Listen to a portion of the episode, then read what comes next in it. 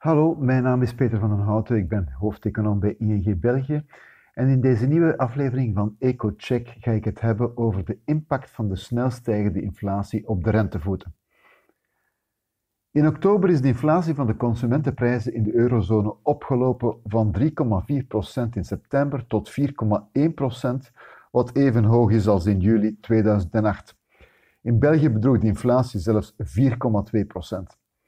Zoals we al eerder vertelden, houdt de stijging van de inflatie vooral verband met de sterke hoogte van de energieprijzen. Zo is de energiecomponent van de prijsindex voor de eurozone met liefst 23,5% gestegen ten opzichte van dezelfde periode vorig jaar. Als je de kerninflatie bekijkt, die geen rekening houdt met de energieprijzen, dan bedraagt de inflatie maar 2,1%. Dat is toch een heel stuk lager, maar ook hier zie je toch een stijging tegenover eerder dit jaar. Er zijn naast de energieprijzen immers ook wat andere factoren die de inflatie hoger duwen. Met name de verstoring van de bevoorradingsketens en de stijging van de prijzen van het zeevervoer. We mogen ook niet vergeten dat we de prijzen vandaag vergelijken met een prijspeil van vorig jaar dat toch in grote mate door de lockdowns werd beïnvloed. Sommige diensten waren wegens de lockdowns zelfs helemaal niet beschikbaar. En dat zorgt jaar op jaar natuurlijk ook voor een flinke stijging van, het, van de prijzen. De inflatie is dus hoog, maar dat betekent zeker niet dat we in een periode van stagflatie zijn beland. Stagflatie is immers de combinatie van hoge inflatie en een stagnerende economie, maar dat laatste is zeker niet het geval.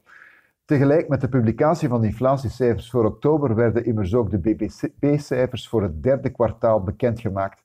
En die waren nog beter dan verwacht. De eurozone zag haar BBP in het afgelopen kwartaal met 2,2% groeien en in België groeide het BBP met 1,8%, wat betekent dat de Belgische economie terug is op het niveau van voor de pandemie. Dit gezegd zijnde heeft de stijging van de inflatie bepaalde gevolgen, met name voor het monetair beleid. Zoals bekend heeft de ECB in de eurozone een middellange termijn doelstelling van 2% voor de inflatie en daar ligt de inflatie nu toch een stuk boven. Betekent dit dan dat de ECB de rente zal moeten verhogen? Het antwoord op deze vraag is niet zo eenvoudig. Ten eerste kan de ECB heel weinig actief doen om de huidige inflatiegolf te stoppen. Niemand kan geloven dat het optreden van de ECB ertoe zal leiden dat de containers sneller van Azië naar Europa worden overgebracht of dat de wereldwijde productie van de olie en microchips snel zal toenemen. Daarnaast moet de ECB ook een onderscheid maken tussen tijdelijke effecten op de inflatie en de onderliggende trend. Het is voorlopig verre van zeker dat de huidige stijging van de inflatie zich zal bestendigen via een prijs-loonspiraal, wat zou betekenen dat de hogere inflatie tot hogere lonen leidt, die dan weer nieuwe prijsstijgingen zouden kunnen uitlokken. Niettemin pleit de huidige context van een sterke economie en een te hoge inflatie steeds meer voor een iets minder stimulerend monetair beleid.